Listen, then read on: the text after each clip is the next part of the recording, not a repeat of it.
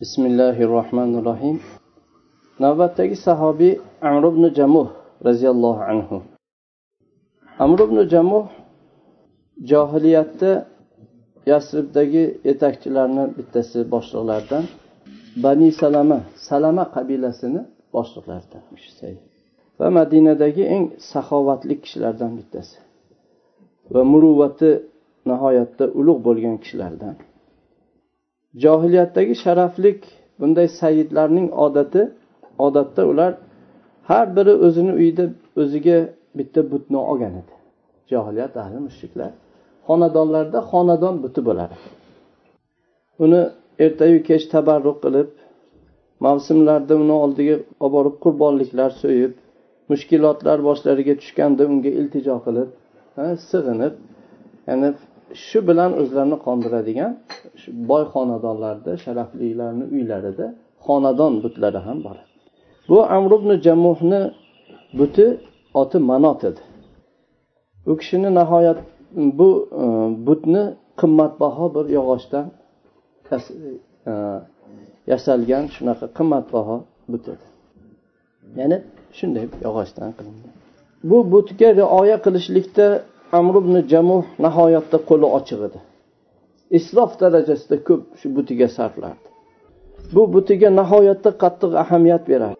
Eng atirlarni xushbo'yliklarni qimmat baholarini sotib topib olib kelib buni unga surtab xushbo'ylardi. Amr ibn jumuh iymon nurlari madina xonadonlarini o'ragan vaqtda u kishi e, oltmish yoshdan o'tib qolgan edilar. Yani bu birinchi da'vatchi musab ibn umayr roziyallohu anhu rasululloh sollallohu alayhi vasallam birinchi aqabadan keyin birinchi aqaba bayatdan keyin yuborgan musab ibn umayrni qo'llarida madina xonadonma xonadon islomni qabul qilib islom shunday yoyilgan edi. Bu musab umay roziyallohu anhuni qo'llarida amr ibn jamuhni uchta o'g'illari iymon keltirdi. Muavvaz muoz hallot bular. Va ularni bir tengdoshlari o'rtoqlari bor edi. Muoz ibn jabal. Bu kishi ham shunday ularni ichida juda suyumlik ularning birodarlari ulfatlaridan edi. Shular musab ibn umay roziyallohu anhuni qo'llarida iymon keltirdilar. U kishini bu uchta o'g'li bilan ayoli hind ham iymon iymonni qabul qildi. Lekin bularni iymon keltirganligi haqida amr ibn jamoh hech xabari yo'q edi. Ayollari hind amrni amr ibn jamuhni ko'rib madina ahliga butun islom g'alaba qilyapti. Har yerda islom har xonadonga kiryapti. Sharaflik sayidlarni xonadonidan hech biri qolma shirkda qolmadi. Faqat bu hindni eri shu amr ibn jamih jamuh keyin ozgina ozchilik shu shirk ostida qolib shirkda qolib ketishdi bu ayol erini yaxshi ko'rardi hurmat qilar edi va kufrda o'lib ketishligidan qo'rqar edi. Jahannam ahli bo'ladi. Yana shu vaqtni o'zida bu amr ibn jamuh ota bobolarni dinidan murtad bo'lib farzandlari bu dindan chiqib ketishligidan u ham qo'rqar edi. Lekin ularni iymonlaridan xabari yo'q u ham qo'rqib yurardi va bu kelgan musab ibn umayr da'vatchiga ergashib ketishliklaridan ozgina vaqtda odamlardan nihoyatda ko'pchilikni o'zini dinlaridan bu burib tashlagan va muhammad sallallohu alayhi vasallamni dillariga kiritishlikka qodir bo'lgan bu musab ibn umayr qo'lida bolalari musulmon bo'lib ketishdan qo'rqar edi. Bir kuni ayoliga qarab ey hind bolalaring mana bu makkadan kelgan odam bilan uchrashishlikdan ehtiyot bo'l. Ular unga qo'shilishmasin dedi. Hatto bu haqda biz bir fikrlashma o'zimni fikrimni e, fikrlashmaguncha ular unga qo'shilmasin dedi.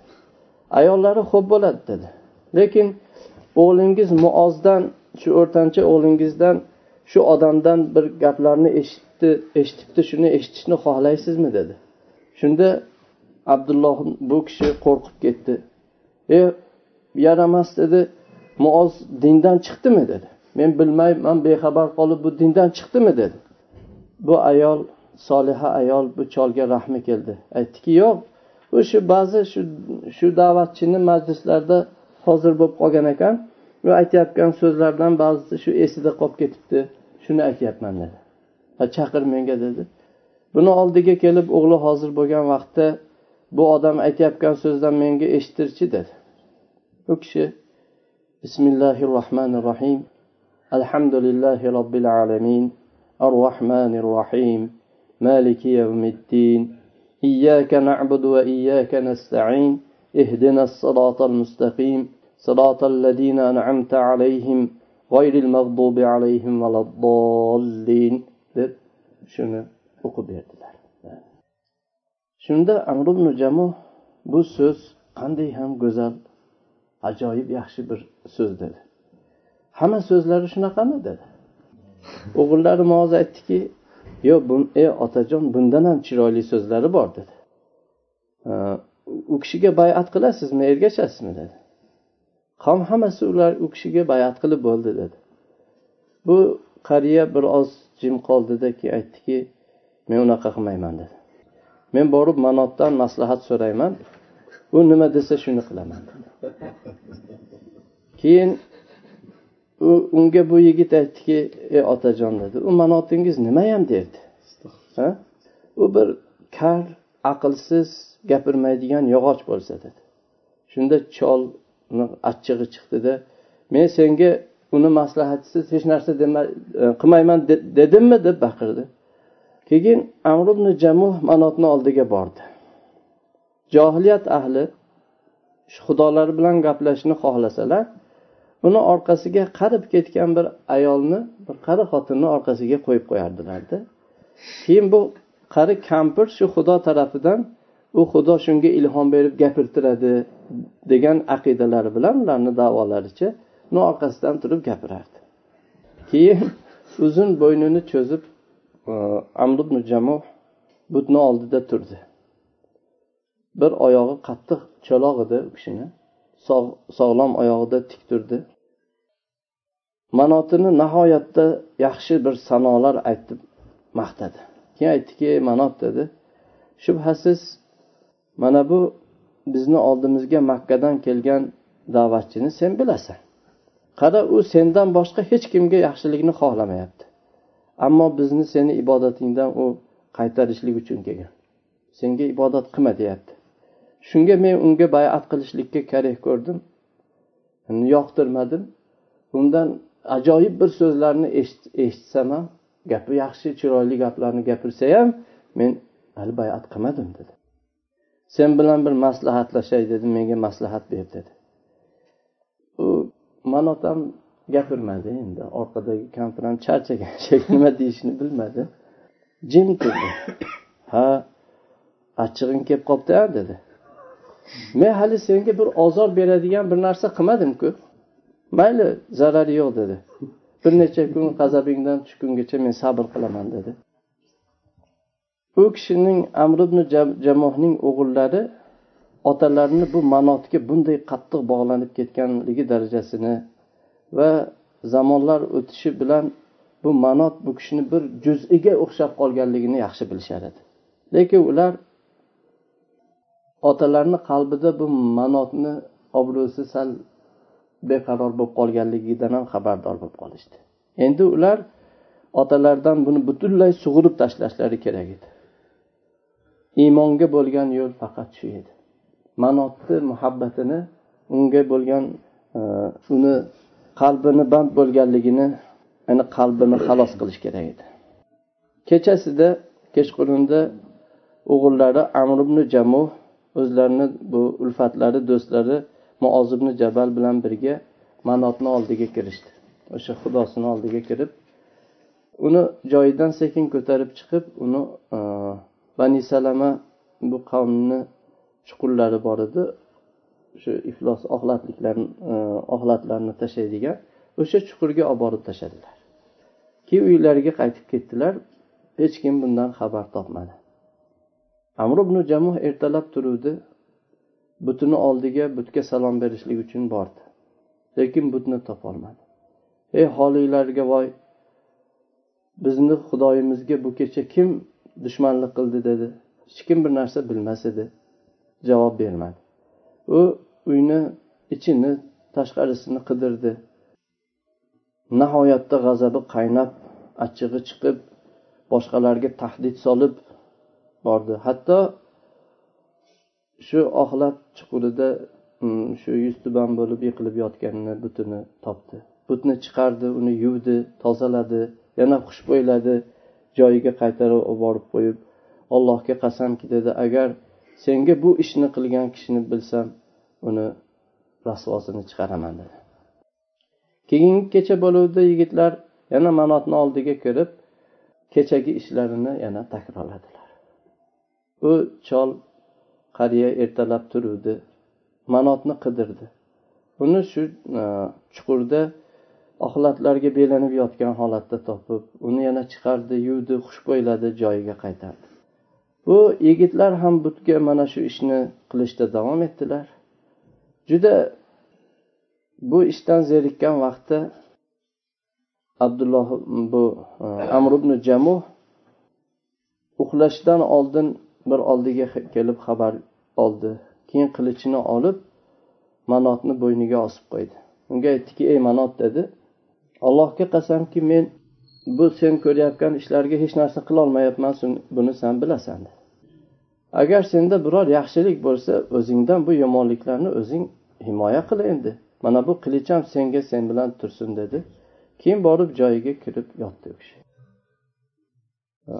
Yigitlar otalarini shu xurraklarni eshitib uxlaganiga xotirjam bo'lganlarida yana butni oldiga keldilar. Qilichni bo'ynidan chiqardilar uni endi uydan ancha uzoqqa tashqariga olib chiqib o'sha yerda bir itni o'ligi bor ekan uni ham olib kelib bu e, butga qo'shib bog'ladilar. Va keyin o'sha chuqurga bir quduqqa tashlab yubordilar. Butun shu oxlat tashlanadigan oxlatlar yig'ilib qolgan chuqurga tashladilar. Bu qariya uyg'ongan vaqtda butini topolmadi keyin uni qidirib chiqdi borib shu chuqurda yotganini ko'rdi. Uni it bilan birlashtirib qo'yilgan edi. Undan qilichni ham olib qo'yilgan edi. Endi bu safar chuqurdan chiqarmadi. O'sha tashlagan joylarida uni qoldirdi va butga qarab aytdiki vallohi law kunta ilahan lam takuni anta va kalbun vasata bi'nin fi qarani dedi. Allohga qasamki agar sen iloh bo'lganingda shu chuqur o'rtasida o'lgan it bilan birga bunaqa yotmasding dedi. Keyin alloh taoloni diniga kirdi. Amr ibn jamuh iymon halovatini halovatini totar ekan. U shirkda o'tkazgan har bir lahzasiga yig'lab afsus chekar edi bu yangi dinga butun jasadi va ruhi bilan kirdi. Nafsi moli farzandlarini hammasini olloh va allohni rasulini toatiga qo'ydi. Ozgina o'tib uhud jangi bo'ldi. Badr jangi keyin uhud jangi. Amr ibn jamoh uchta farzandini ollohni dushmanlariga qarshi jangga tayyorgarlik ko'rishini ko'rdi. Ularga ular ertayu kech xuddi shunday e, turgan vahshiy sherlar kabi yurganlarini ko'rib shahodatga yetishlik ollohni roziligiga zafar topishlikka shunday zavq bilan yonib turganlarini ko'rib bu o'rin amr ibn jamihni g'ayratini qo'zg'adi. Va u kishi ham o'g'illari bilan rasululloh sollallohu alayhi vasallamni bayroqlari ostida jihodga borishlikka qasd qildi. Lekin yigitlar hammalari kelishib otalarini bu qasd qilgan narsalardan qaytarmoqchi bo'lishdi. U kishi ham yoshi keksa qari odam edi. Keyin bundan tashqari u kishi qattiq cho'loq kishi edi. Bir oyoqlari cho'loq edi. Alloh taolo bunday qari yoshdagi chaloq kishilarga qur'onda uzr bayon qilgan edi. Olloh oyat. Aytishdiki yo olloh e, ey otajon dedi. Alloh subhanava taolo sizga uzr qildi. Alloh taolo sizdan soqit qilgan. Sizdan e, o'tgan bu ishga o'zingizni e, nima uchun takalluf qilib o'zingizni qiynaysiz? dedi. Bu chol ya'ni cho'loqligimni betimga solyapti. Degan nima bilan xafa bo'ldi. Keyin bularni so'zlaridan g'azablanib qattiq g'azablandi va rasululloh sollallohu alayhi vasallamga borib rasululloh sollallohu alayhi vasallamga shikoyat qildi. Ey ollohni payg'ambari dedi bu o'g'illarim meni shu yaxshilikdan ushlab qolishni xohlaydilar. Ular menga cho'loqligimni hujjat qiladilar bahona qiladilar men shu cho'loq oyoqlarim bilan jannat yerlarini bosishni xohlayman dedi. Rasululloh sollallohu alayhi vasallam u kishini o'g'illariga qo'yinglar shoyatki alloh taolo u kishiga ham shahodatni shahidlikni rizq qilar dedilar. Keyin e, qo'yishdi. Rasululloh sollallohu alayhi vasallamni buyruqlariga bo'ysunib otalarini xoli qo'ydilar. Jangga chiqish vaqti yaqinlashgan vaqtda amr ibn jamuh ayollarini oldiga bordilar. Qaytmaydigan judolik vidolashuvi bilan ayollar bilan vidolashdilar. Keyin qiblaga yuzlandilar. Ikki qo'llarini osmonga ko'tardilar. Yo olloh menga shahodatni rizqlantir dedilar. Meni qaytib ahlimga noumid qilib qaytarmagin yo olloh deb duo qildilar. Keyin atroflarida uchta o'g'illari jangga qarab ketdilar. Juda katta bu bani salama qavmidan katta bir jamoat bilan jangga bordilar. Jang qizigan vaqtda odamlar rasululloh sollallohu alayhi vasallamdan ozgina e, chekinish bo'ldi. Ketib qolgan vaqtda amr ibn jamuh shu e, oldinda turgan to'daning oldida u kishi borardi. Shu sog'lom oyog'ida sakrab sakrab sakrab borib baqirardi. Inni la mushtaqun ilal janna inni la mushtaqun ilal janna man jannatga mushtoqman deb baqirib ularga tashlanardi. U kishini orqasida o'g'illari hallot u kishi ham jang qilib borardi. Bu e, qari kishi va bu yigit rasululloh sollallohu alayhi vasallam taraflaridan jang qilishda davom etdilar. Hatto ikkalalari ham bu jang maydonida shahid bo'lib yiqildilar. O'g'illari bilan otani orasida bir bir necha lahza vaqt o'tdi shahid bo'ldilar. Jang tamom bo'lgandan keyin rasululloh sollallohu alayhi vasallam uhud shahidlarini turpoqqa dafn etishlik uchun keldilar. Shunda sahobiylarga aytdilarki ularni o'zlarini qonlari jarohatlari bilan shunday ko'minglar. Men ularga guvohman dedilar.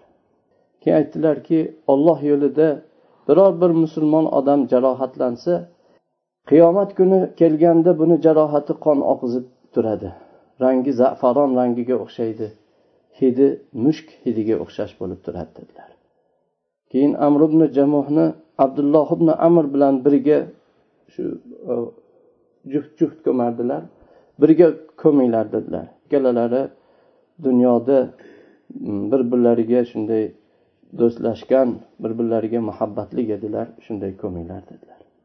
Alloh taolo amr ibn jamuhdan va u kishining sheriklari bo'lgan uhud shahidlaridan alloh rozi bo'lsin. Ularni olloh rahmat qilsin. Ularni qabrlarini olloh nurli qilsin.